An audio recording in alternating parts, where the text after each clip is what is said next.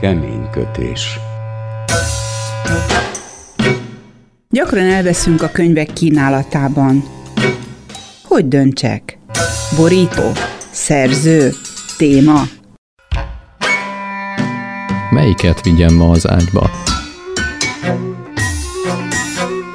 Kortárs szerzők, kortárs szerkesztők, kortárs kiadóktól. Kemény kötés. Könyvekről a fülszövegen túl. Hajós Vera műsora két hetente, vasárnap este 7 órától.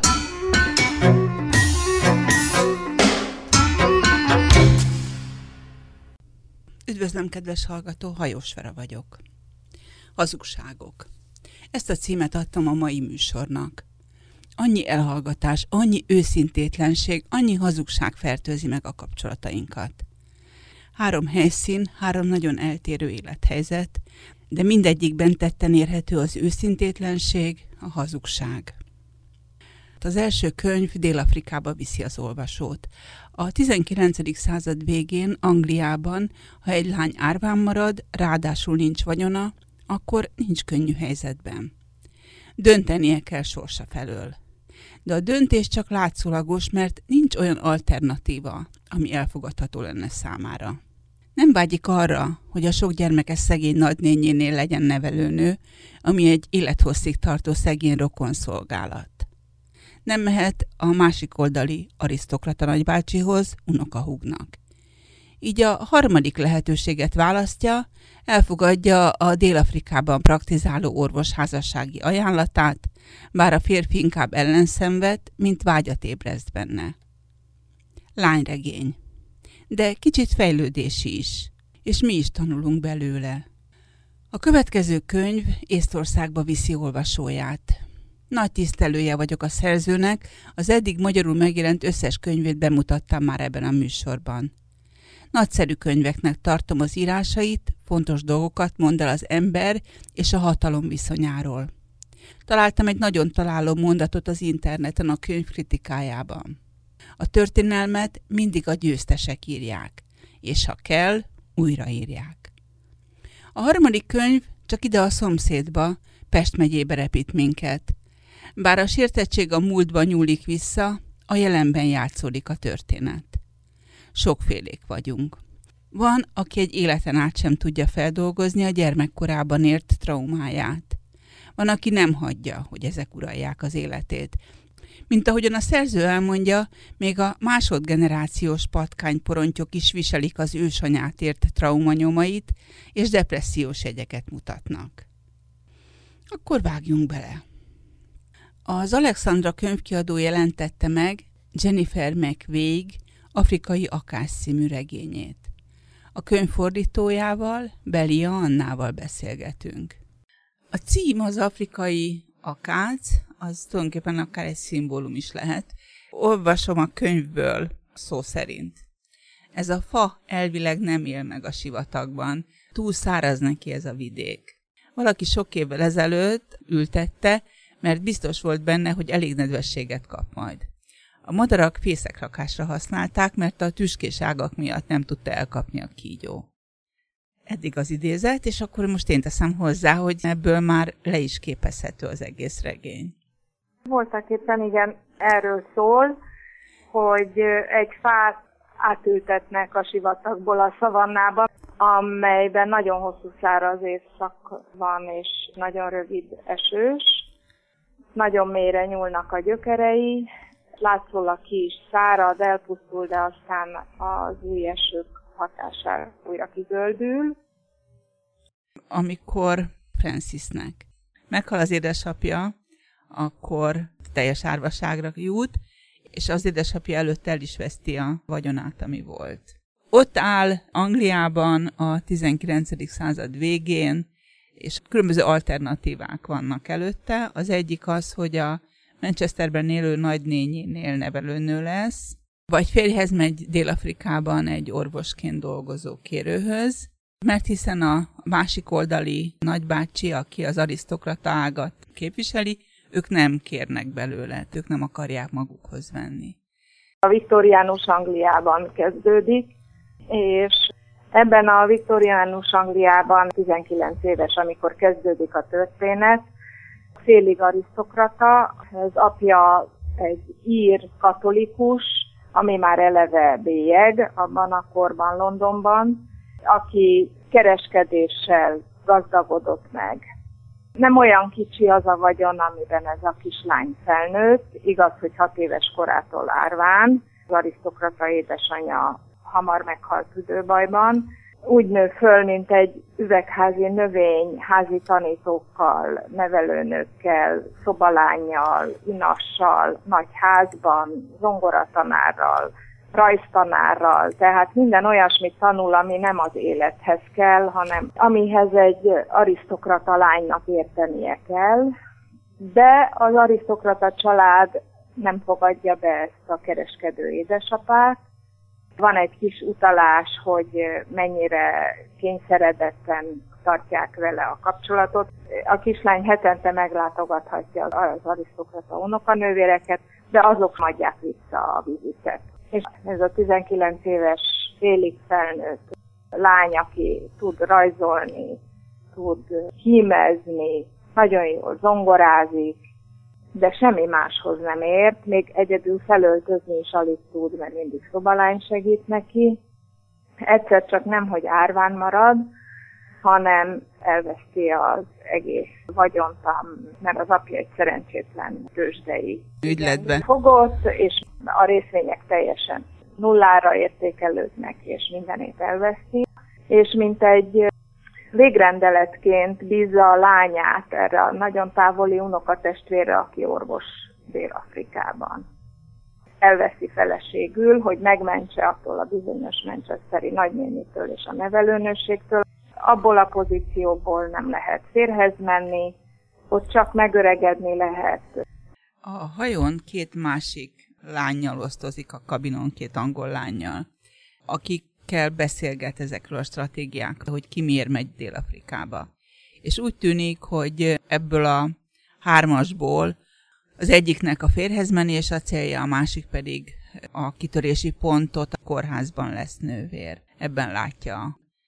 A viktoriánus Angliában arisztokratának kell lenni ahhoz, hogy valaki ne menjen férhez, tehát úgy maradhat vénlány mondjuk, úgyhogy nem csinál semmit. Az, hogy szakmát tanul, az már eleve pénzbe kerül. Kiderül, hogy az a fiatal nő, aki ápolónőséget tanult, annak is csak egy évet tudott kifizetni a mamája, ezért nem tudott elhelyezkedni Angliában, mert nem volt elég az az egy év az angliai elhelyezkedéshez, és ezért kell a gyarmatokra menni. Na most itt elérkeztünk egy nagyon fontos ponthoz, hogy Dél-Afrika Anglia gyarmata, legalábbis ez a része Dél-Afrikának. Ez, ezért is elég érdekes ez a regény, mert az angol gyarmatok szóló történetek általában Indiában játszódnak. Számomra nagyon érdekes volt felfedezni, hogy próbálja leigázni más kontinensen levő országokat, és mennyire lenézi az ott lakókat mert ez a regény másik fő témája, a gyarmatosítottak és a gyarmatosítók viszonya. Nézzétek! Anna tengerre mutatott. A lányok egy pillanatra megtorpantak a fedélzeten, és a felkelő hold aranygörbéjét nézték, amint felbukkant a látóhatáron.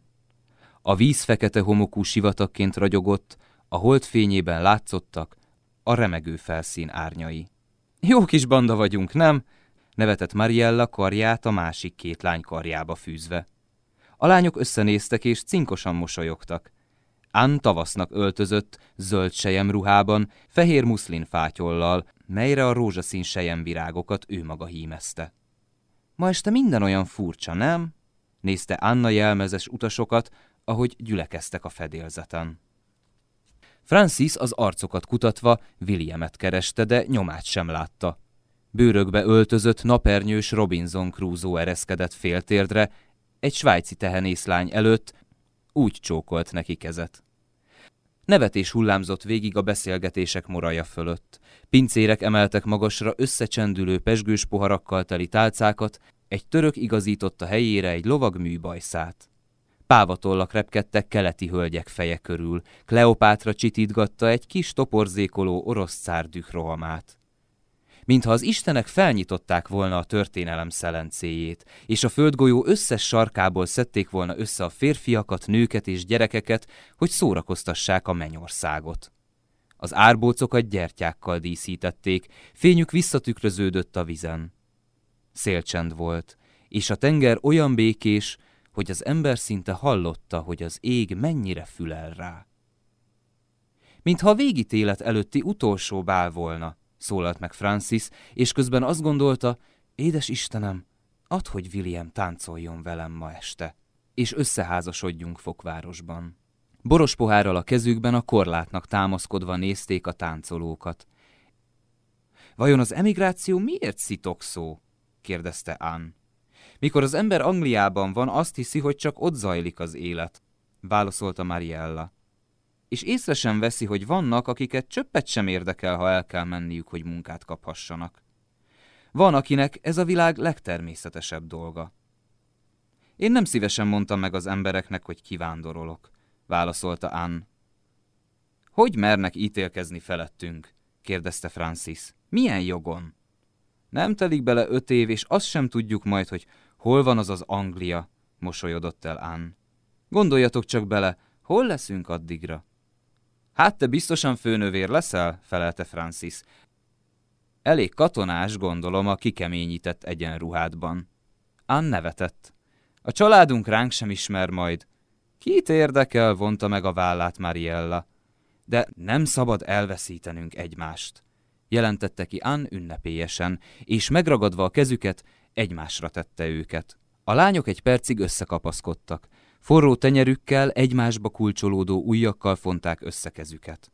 Alattuk száguldott a tenger, minden másodperccel közelebb vitte őket Dél-Afrikához, és tudták, hogy semmi sem lesz már ugyanolyan, amint megérkeznek.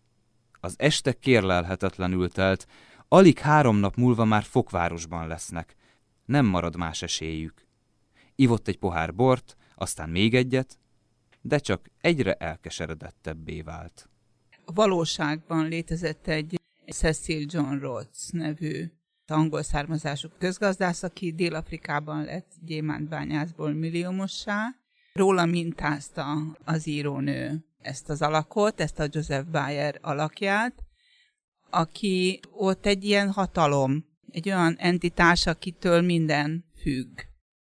Ezért elég érdekes a dolog, hogy végül is hogy győz az angol demokratikus szellem a gyarmatosító barbárság fölött, vagy mennyire tudja megfékezni, nem tudja legyőzni, ez egészen biztos. Bayer figura, aki nagyon keveset, talán egyszer jelenik meg. Igen. Személyesen a regényben csak szó van róla, a dolgot mégis a háttérből meglehetősen a kezében tartja. Ez arra utal, hogy Jennifer McVeigh, az írónő, nagyon sokat kutatott erről a korról, egyrészt Angliában, másrészt pedig Dél-Afrikában utazott is, és a, a regény ötlete is úgy született, hogy a dél-afrikai táj, a szavanna annyira megfogta, hogy elkezdte ezt a történetet írni. Két ellentétes jellemű férfi van a Francis életében. Van egy fellobbant szerelem a hajón, ez a William Westbrook, aki egy gátlástalan erőszakos fickó, ma azt mondanánk rá, hogy macsó. Ő unokaöccse ennek a nagyhatalmú Joseph Bayernek. És van a, a férj, az Edwin Matthews, aki orvos, és a, aki az összes jó tulajdonságot, a, a humanitáriust, az etikust, elveihez ragaszkodó, jellemes ember. Edwin Matthews egy sok gyerekes család fiaként elképesztő erőfeszítéssel végezte el a tanulmányait. Azért ment Dél-Afrikába dolgozni, mert Angliában az elegáns házakhoz, ahol orvosként jól lehet megkeresni, nem engedik ráadásul ír, úgy ezért elmegy Dél-Afrikába szerencsét próbálni, de az orvosláson keresztül, mikor megismeri az országot, a politika kezdi el érdekelni. Eleinte szenvedélyesen szereti őket. Végig tudja, hogy a Francis nem szereti őt, megpróbálja Francis bevonni az életébe. Ő neki nem az a célja, hogy a feleségét kitegye a megpróbáltatásoknak, hanem hogy társat faragjon belőle, hogy együtt próbáljanak megküzdeni azért, amiért ő küzd. És mikor külön válnak az útjaik, akkor Francis ezt felfogja, és akkor lesz igazán önmaga. Rájön arra, hogy neki meg kell találnia azt, hogy ő mit akar. Igen, innentől egy nevelődési regényről beszélhetünk. Pontosan erről van szó, hogy a igazi felnőtté válása az ezután a vállás után történik meg. Mondjuk, hogy átesik ő is a himlő tisztító tüzén, ami talán csak arra alkalom, hogy az írónő elmondja, hogy milyen rettenetes higiéniés állapotok uralkodtak abban az időben Dél-Afrikában. Tényleg arról van szó, hogy, hogy ennek a nőnek a sorsán keresztül azt látjuk, hogy hogy lehet kitörni a viktoriánus Anglia a gyarmatbirodalmi nősorsból azzal, hogy valaki pontosan eldönti, mit akar az, az életével kezdeni. Hogy ő ki legyen, ha mit akar az életével kezdeni pontosan. Ma is látható Kimberleyben egy nagy lyuk. Ez már a világörökség része. Ezen a lyukon összeszedtem, ez egy 1,6 kilométer a kerülete, és ebben a lyukban három tonna gyémántot találtak. Ez egy ásott kézzel, csákányjal, lapáttal ásóval mélyített lyuk. Maga ez a tény is mutatja, hogy, hogy micsoda irdatlan nagy munkák zajolhat. Hát ez a legmélyebb pontján 100 méter mély, és el lehet képzelni, hogy azokkal a technikai eszközökkel, amelyek eljutottak a 19. század végén Dél-Afrikába, tehát faállványok nagy részt, és, és a gőzgépek, a gőzbányagépek, erről szó is van a regényben, kezdeti időszaka, hogy mennyi ember életet követelt. Az őslakosságnak az élete semmit nem számított. Nagyon érdekes az, hogy ez az Edwin, a főhős, aki harcol, elmondja, hogy, hogy mi minden kárt okoz a gyarmatosító ezeknek az embereknek, megtanítja őket az alkohol szeretetére. Ha életben maradnak és pénzt keresnek, abból fegyvert vásárolnak, és a törzsek egymással ezzel harcolnak a civilizáció, amelyet az angol birodalom eljutott ehhez a, az úgynevezett nagy lukhoz, a big hole-hoz, az nagyon síralmas. Nem a civilizáció pontosan, hanem a civilizációnak az összes árnyoldala. Író a kutatásait úgy olvasztja be a regénybe, hogy az nagyon szórakoztató hogy végre arról is beszéljünk, hogy ennek a könyvnek nem csak története van, hanem ez irodalom is olyan leírások vannak benne, olyan figurák jelennek meg benne, olyan írói eszközökkel, amelyek nagyon élvezetes olvasmányát teszik a könyvet.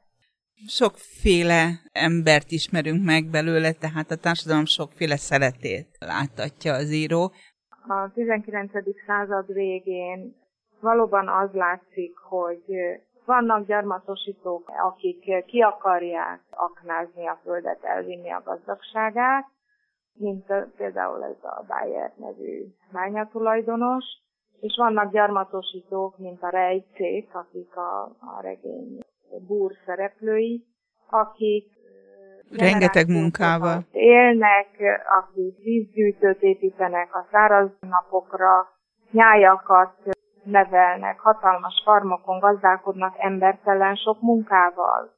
És az a nai, mondhatni, hogy 18.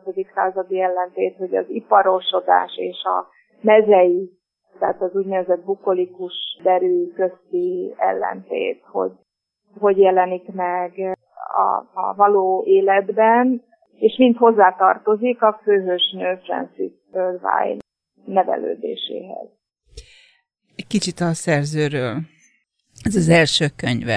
A szerzőt én nem ismerem, csak annyit tudok róla, amennyit ő magáról elárul a, a különféle leírásokban.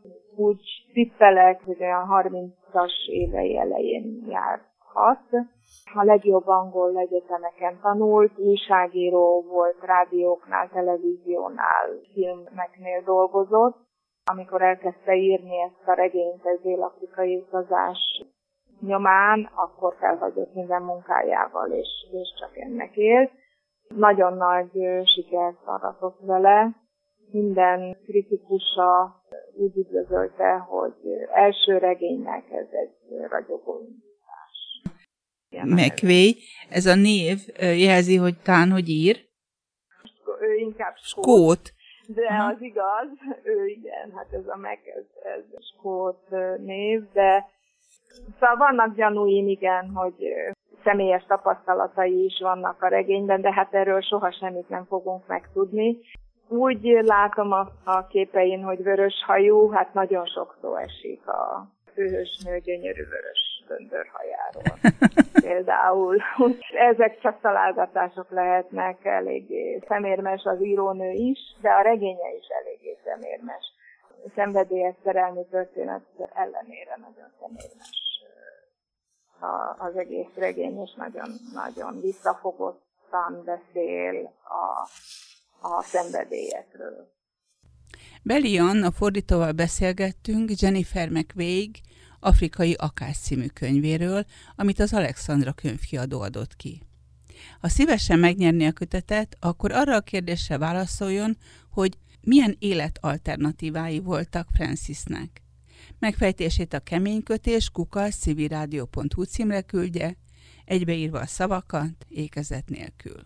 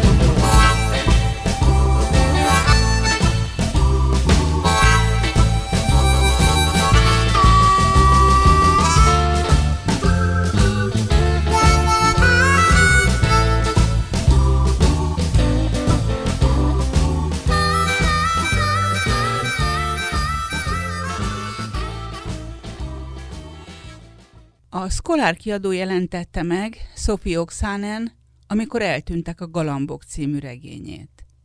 A kiadó főszerkesztőjével, Illés Andrával beszélgetünk. Azt olvasom a főszövegben, hogy ez a kötet egy tetralógia, harmadik darabja. Az első két kötet a Stalin tehenei és a tisztogatást.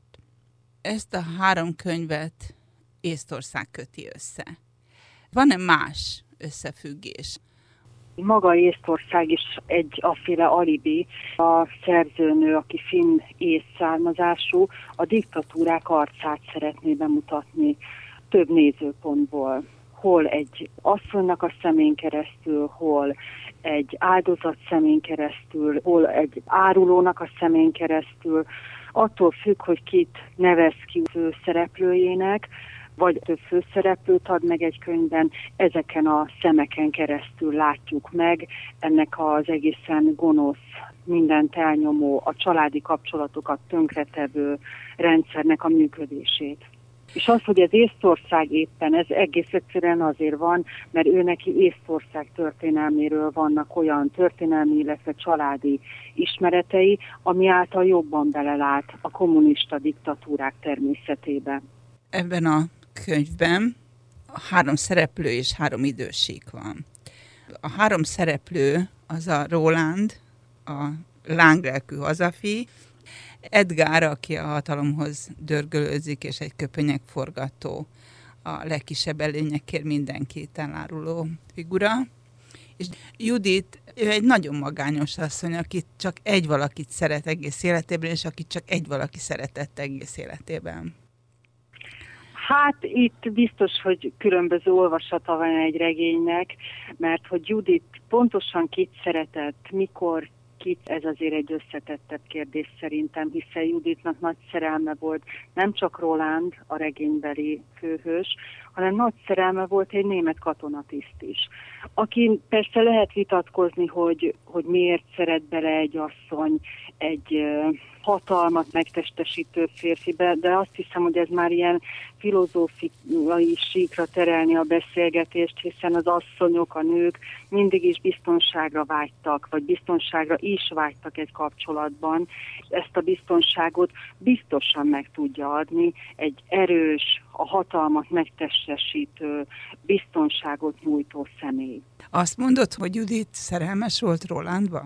Én úgy gondolom, hogy szerette. Igen, többféle szerelem létezik.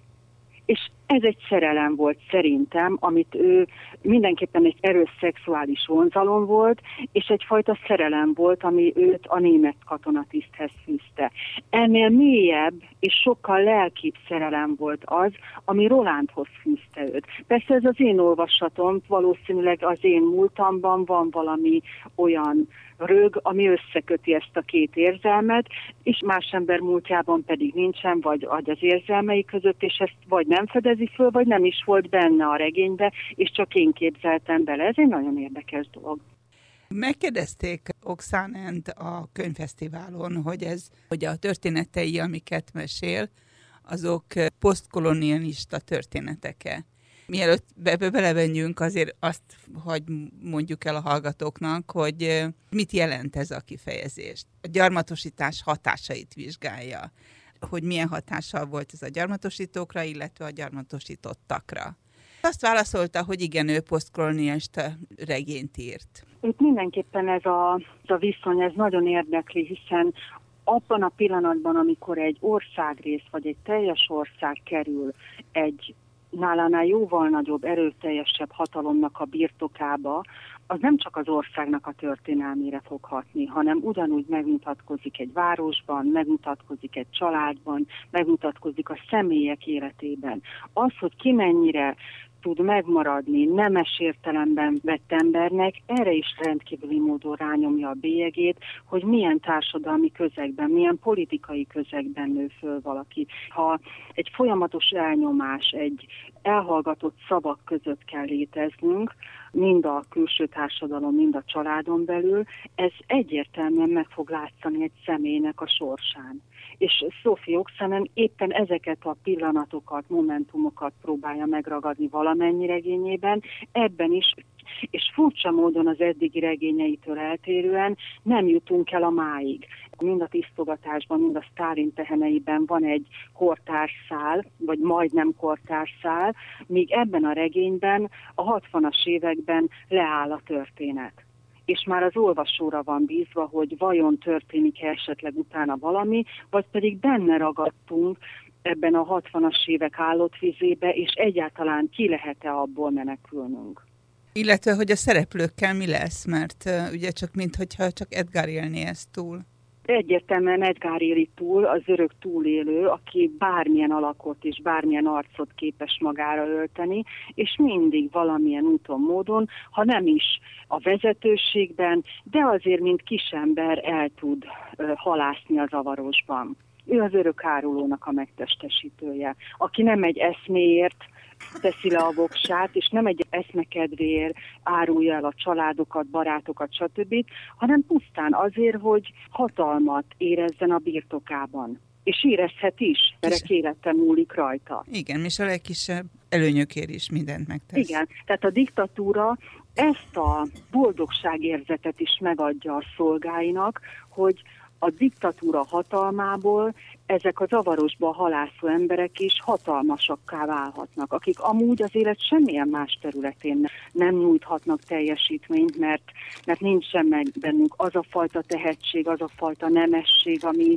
ami maradandót alkothatna, vagy szerethetővé tenni őket, viszont a diktatúra hatalma rájuk is egyfajta hatalmi köpényt illeszt, a könyv végén Oxanen ad egy magyarázatot a szereplőiről, pontosabban Edgarról, a pilóta múltról, és arról, hogy Juditot hogyan bűvöli el. Igen, Judit egy egyszerű nő. Végtelenül egyszerű, kedves, semmi másra nem vágyik az élettől, csak szerelemre. Egy teljesen átlagos, mindennapi asszony.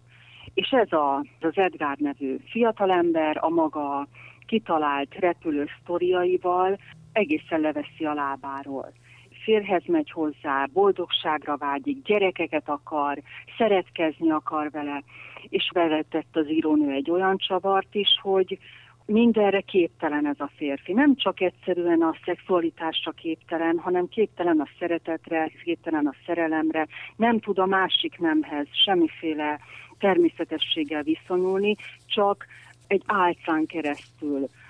Én csak vezetem a háztartást. A cselédek füle halatára nem beszélnek semmi fontos dologról, hát nem érted? Ráadásul neki a szabotázs elhárítása területe, nem a közrendvédelem. És itt csak a Tallinnban történt bűnügyekkel foglalkoznak, biztos még csak hozzáférése sincs az egész országra vonatkozó információkhoz. Hát nem érted? Én nem tudok segíteni, mondta Judit. Számtalanszor hallottam már ugyanezt a magyarázatot, ugyanezeket a szánalmas, mindig egyformán haszontalan kifogásokat, noha hangsúlyoztam, hogy bármi információ segíthet Rozáli gyilkosának nyomára akadni. A legapróbb rendbontás is. Újból és újból tagadott mindent. Tagadta a plegykákat, tagadta a németek rendzavarását, tagadta rossz modorukat. Nem hittem a fricek szigorú szabályaiban és serény fegyelem tartásában, az ugyanúgy ismétlődő válaszoktól szám szoros préssé feszült, és reméltem, hogy a németének nem ugyanilyen rosszul hazudik. Értettem a választását, mert házasságának helyzete nem volt normális, de azt nem értettem, hogy emlékeztetni kell őt Rozalíra. Judit nyilvánvalóan indulni készült, igazgatta váltömését, és fehérre vált körmökkel babrált a blúza bakelit kapcsát. Hírei vannak, hirtelen biztosra vettem. A felismerés segített lecsillapítani érzéseimet. Azzal folytattam, amit már korábban is erőltettem, megőrizve hangom nyugodtságát. Itt egy telefonszám. Felhívod és azt mondod, jó az idő, ha a németed elutazik. Át akarom vizsgálni a dolgozó szobáját. Bármi segítségül szolgálhat a mozgalmunknak. Nem vette el a papírt. Bedugtam a táskájába.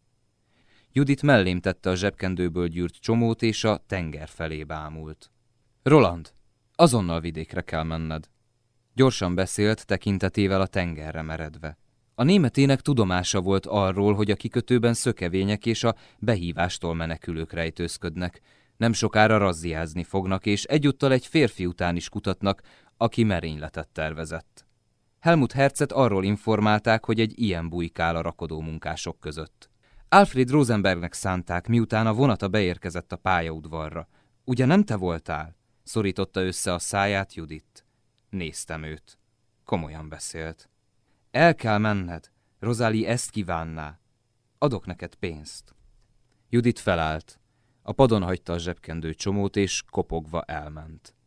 Ez lett volna, amit akart. Emiatt jött el. Csalódott voltam, és mégis hirtelen éber. Nem hallottam a meghiúsult merényletről, de ha Judit komolyan gondolta, amikor rákérdezett, volt-e benne részem, ugyanez valaki másnak is eszébe juthat, és a kísérlet biztosan rávette a németeket, hogy szigorítsák a biztonsági protokolljukat. Többet nem megyek reggel a kikötőbe. Judit bármennyire is azért önmagának is az áldozata, hiszen ő nem merte felvállalni az igaz szerelmet nem merte kimondani. De ugyanígy Roland, akit eddig nem említettünk, Roland, aki a hősiességnek a megtestesítője, de azért az sem viselkedett mindig túl bátran. Ő is, amikor az érzelmekre került a sor, és igen, kinyilatkoztatni, hogy szeretlek téged, és felvállallak téged a piszkos múltad ellenére, akkor meghunyászkodik, és nem meri ezt megtenni. Tehát minden ember magánéletében ott vannak a foltok, és ezektől a foltoktól nem tudnak szabadulni, egész életükben nem tudnak szabadulni. És ennek válik áldozatává nem csak ők, hanem gyakorlatilag az ő szennyes szerelmüknek a gyümölcse is, az ő kislányuk, a Rolandnak és Juditnak a kislánya, akivel a 60-as években találkozunk, már mint felnőtt nő, akit szintén a titkok, az elkendőzések vesznek körbe, saját múltjával sincsen tisztában. találtam az interneten egy címet, Kis Orsi cikkjének a címe az, hogy a történelmet mindig a győztesek írják, és ha kell, újraírják. Hát Olyan nagyon- sokszor tanúi voltunk az életünkben. Igen, olyan nagyon rárímel a most történéseire is. Somás cím, akár ez is lehetett volna. Igen, akár ez is lehetett volna, és nem véletlen ez sem a cikknek ez a címe, hiszen Edgar maga is író, aki ténylegesen újraírja a történelmet. Újra hazudja a történelmet, mert hát az Igen, egészet kitalálja. hazudja. Minden egyes újraírás ugye nem azért történnek az újraírások, mert új adat kerül a birtokunkba, és ezzel kibővítjük a tudott dolgokat, hanem mindig egy kicsit úgy alakítjuk a történéseket, ahogy úgy nekünk tetszik, ahogy a, a mi pillanatnyi érdekünket szolgálja. De ez a magánéletünkben is így van. Tehát, hogyha rossz dolgok történtek, azt azért nem szeretjük töredelmesen bevallani magunknak, és ugyanez van a nagy történelem színpadán is. Címről még egy-két mondatot beszéljünk. Mikor eltűntek a galambok? Hát ugye miért tűntek el a galambok? A galamb ugye egyrészt egy szimbólum, azt fölösleges felsorolni, hogy hány és hányféle dolognak a szimbóluma, de itt szó szerint eltűntek a galambok, hiszen a megszálló hadsereg egész egyszerűen megette a galambokat. Olvastam olyan véleményeket a, a könyvről, hogy ez a, az eddigi legösszetettebb és a leg, legteljesebb mű a tetrológiából. Én is úgy gondolom, hogy ez Sophie Oxenen írói munkásságának a csúcsa. Nem csak nyelvileg egy nagyon különleges darab, aminek a nyelvét többen is támadták Finnországban, mert azt mondják, hogy nem finnül van a regény. Ez nekem a fordító mondta, Bába Laura, hogy ez tényleg így van, hogy szokatlan szófordulatok, szokatlan szókapcsolatok vannak benne. A széket nem végighúzzák a padlón, hanem a szék végig sikít a padlón. Olyan igéket alkalmaz, ami sokkal több, sokkal sűrűbb, mint valami szirup, olyan sokkal több mondani valója van annak az igének, annak a jelzőnek, mint hogyha a bevett szófordulatokkal fejeznék ki, hogy mi is történik mondjuk egy szobában. Nagyon tömények a mondatai. Szerintem egy óriási olvasmányélmény, ez egy nagy regény. Illés Andrea főszerkesztővel beszélgettünk, Sophie Oxanen, amikor eltűntek a Galambok című regényéről, amit a Szkolár kiadó adott ki.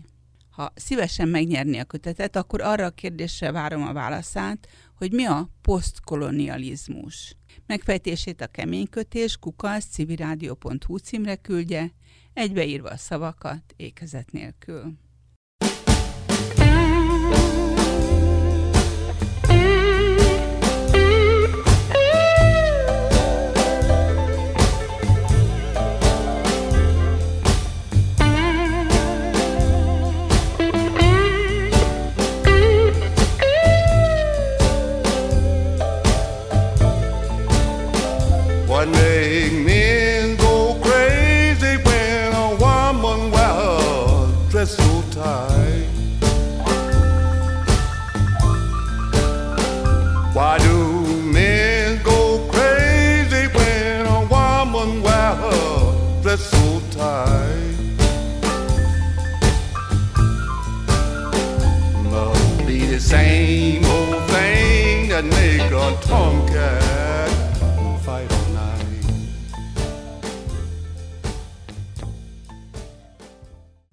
Libri könyvkiadó adta ki Csányi Vilmos a Sértett című kisregényét.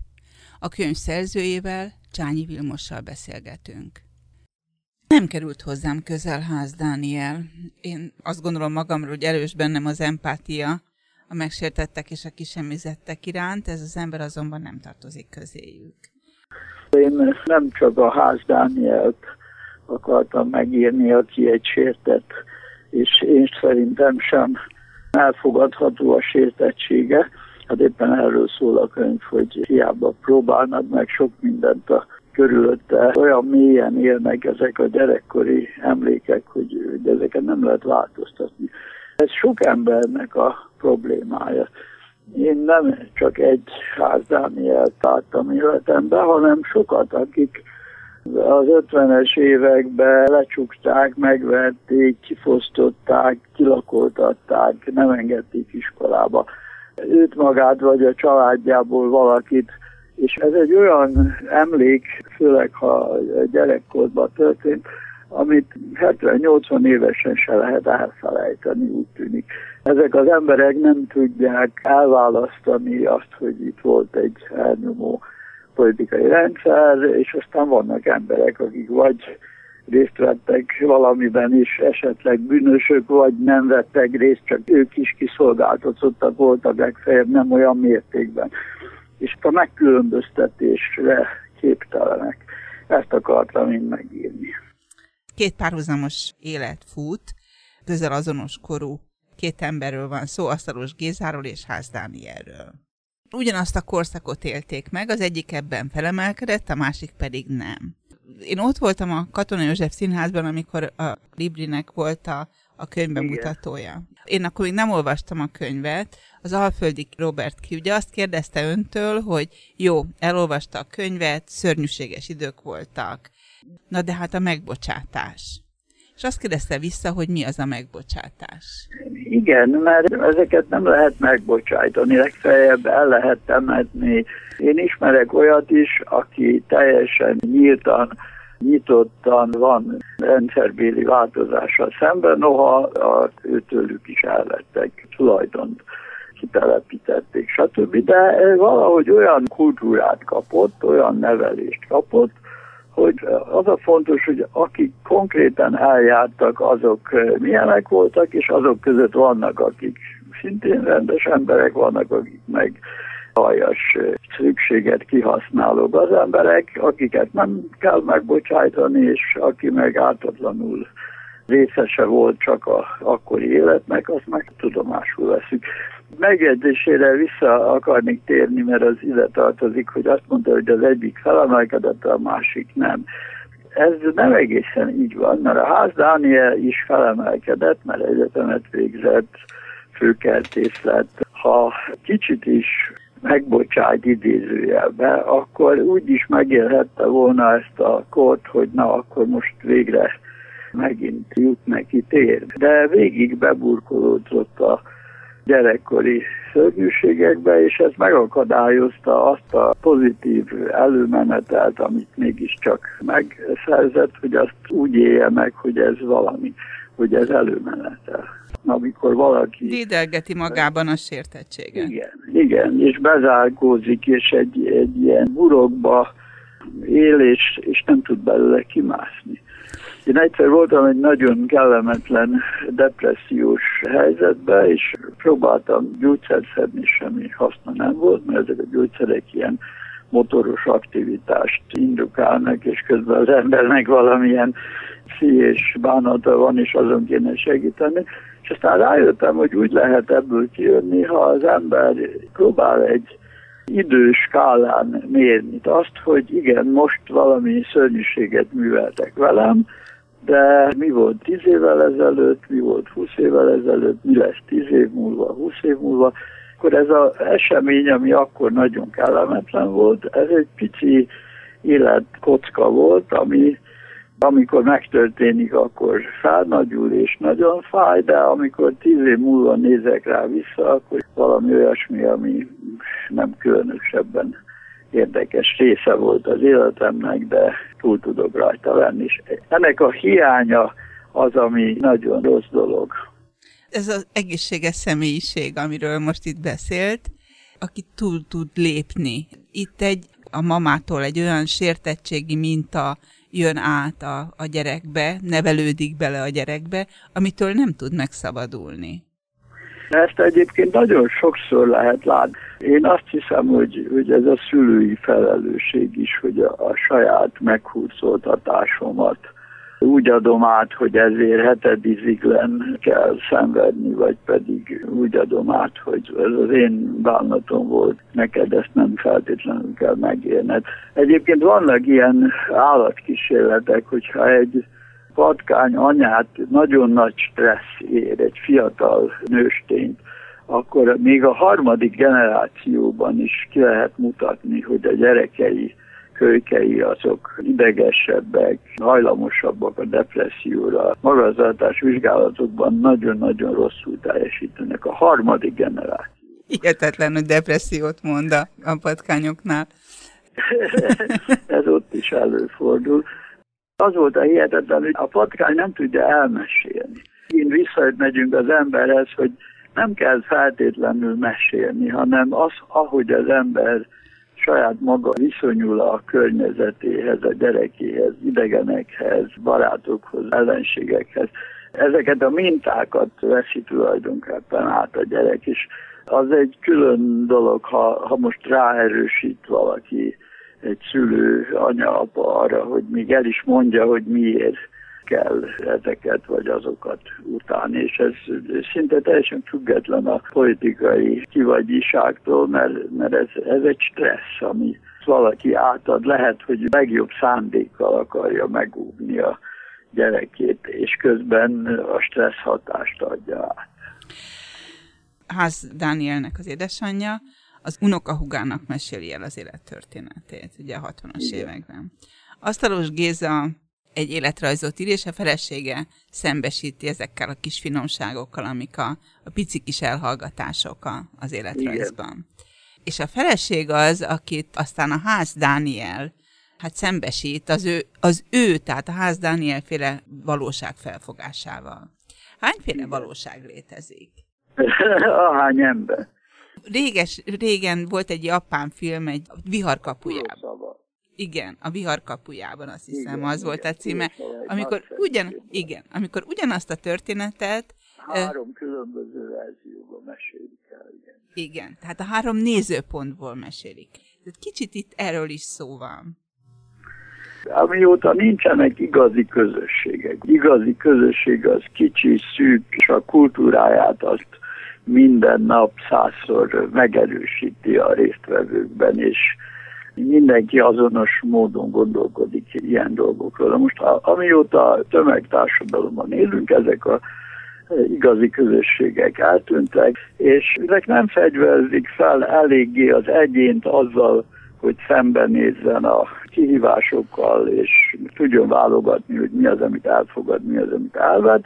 Ezért mindenki magára marad, és neki kell eldönteni, hogy most olvasok valamit az interneten, akkor ezt elhiszem, vagy megkérdezek valakit, hogy ez szerinte hihető-e, vagy pedig elutasítom, és nem is érdekel, hogy esetleg mégis igaz. Tehát a mai ember legnagyobb problémájának éppen ezt tartom, hogy magára van utalva, egy személyes kultúrát kell kialakítson, erre képes mindenki elfben, de csak nagyon kevés, talán egy százaléknak sikerül hogy kialakítson egy olyan személyes kultúrát, amiben egyensúly van, ahol be tudja fogadni az értékeket, el tudja utasítani a nem megfelelő dolgokat, és, és úgy érzi, hogy érdemes volt az életét megélni.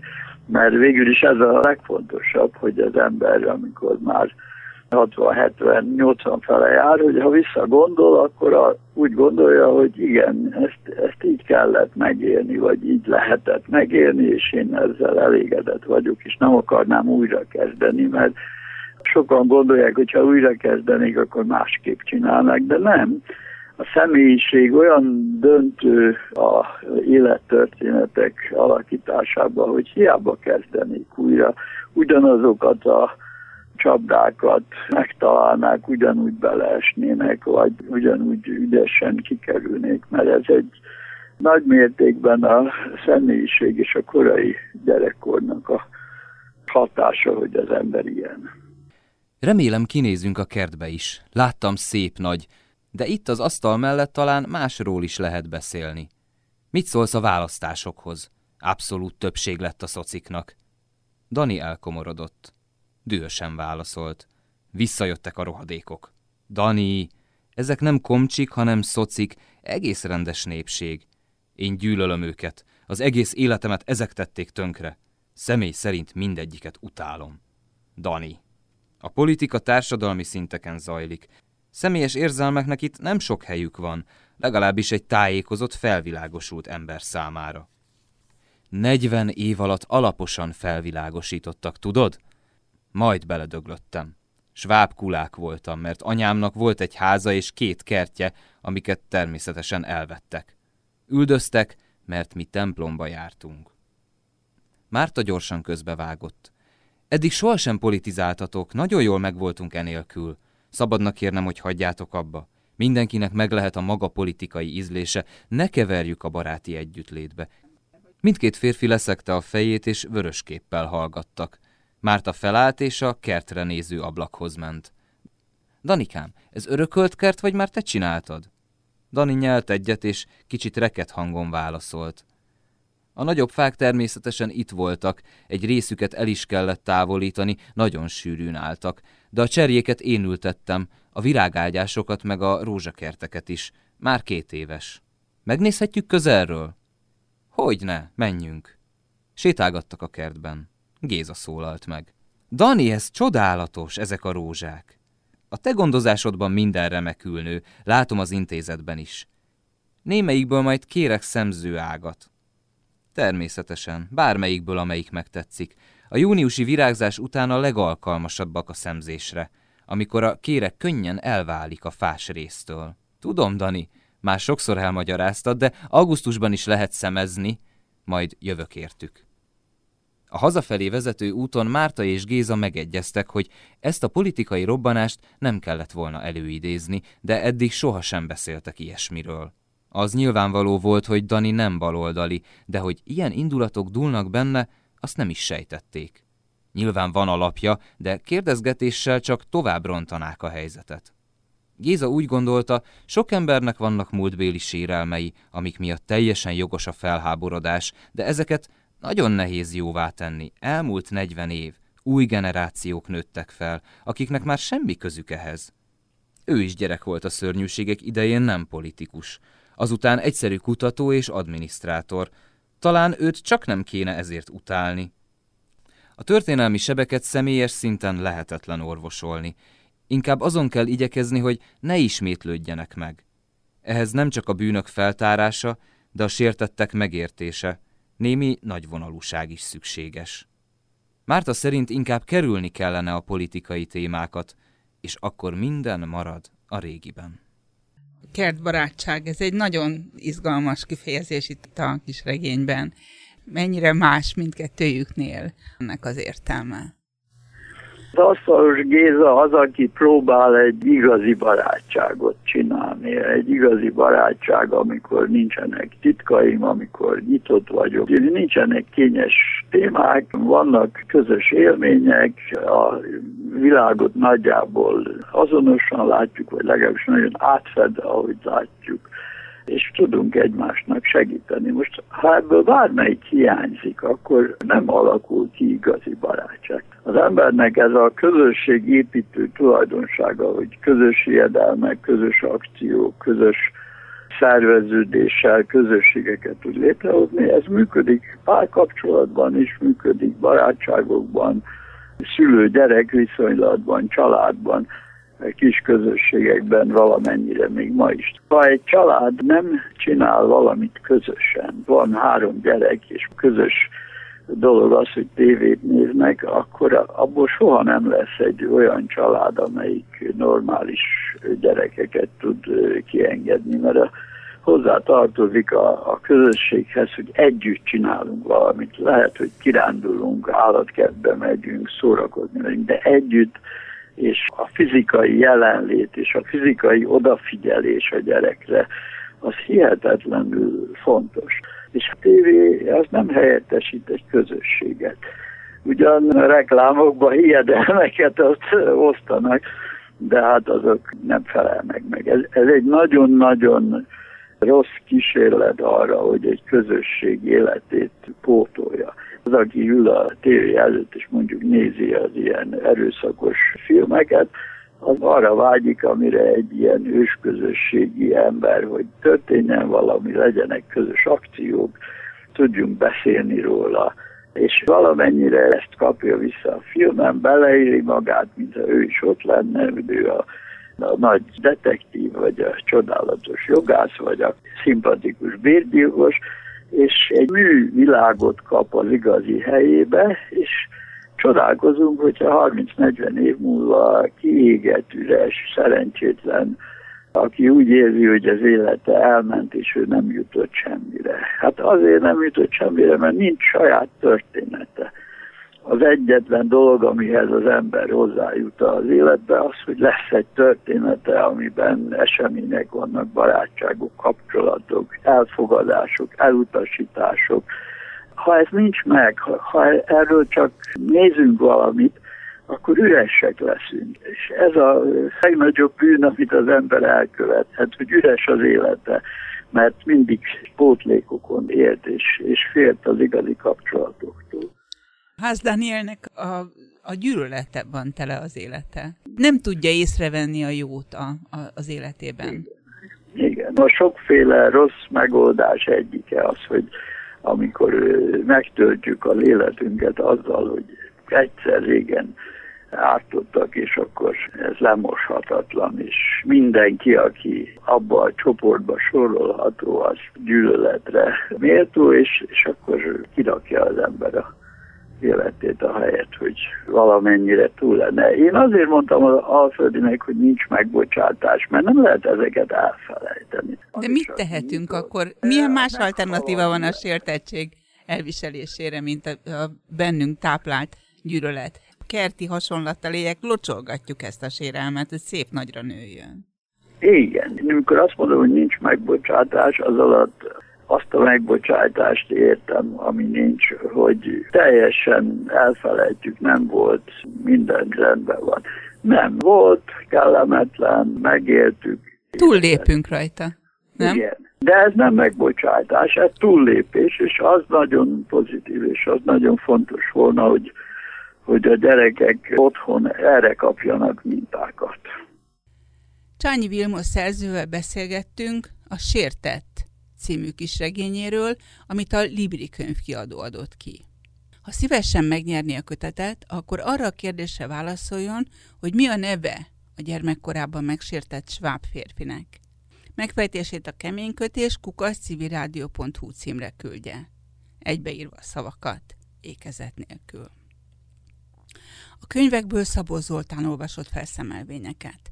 A zenéket Magyar Ádám választotta. Kemény kötés. Könyvekről a fülszövegen túl. Hajós Vera műsora két hetente, vasárnap este 7 órától.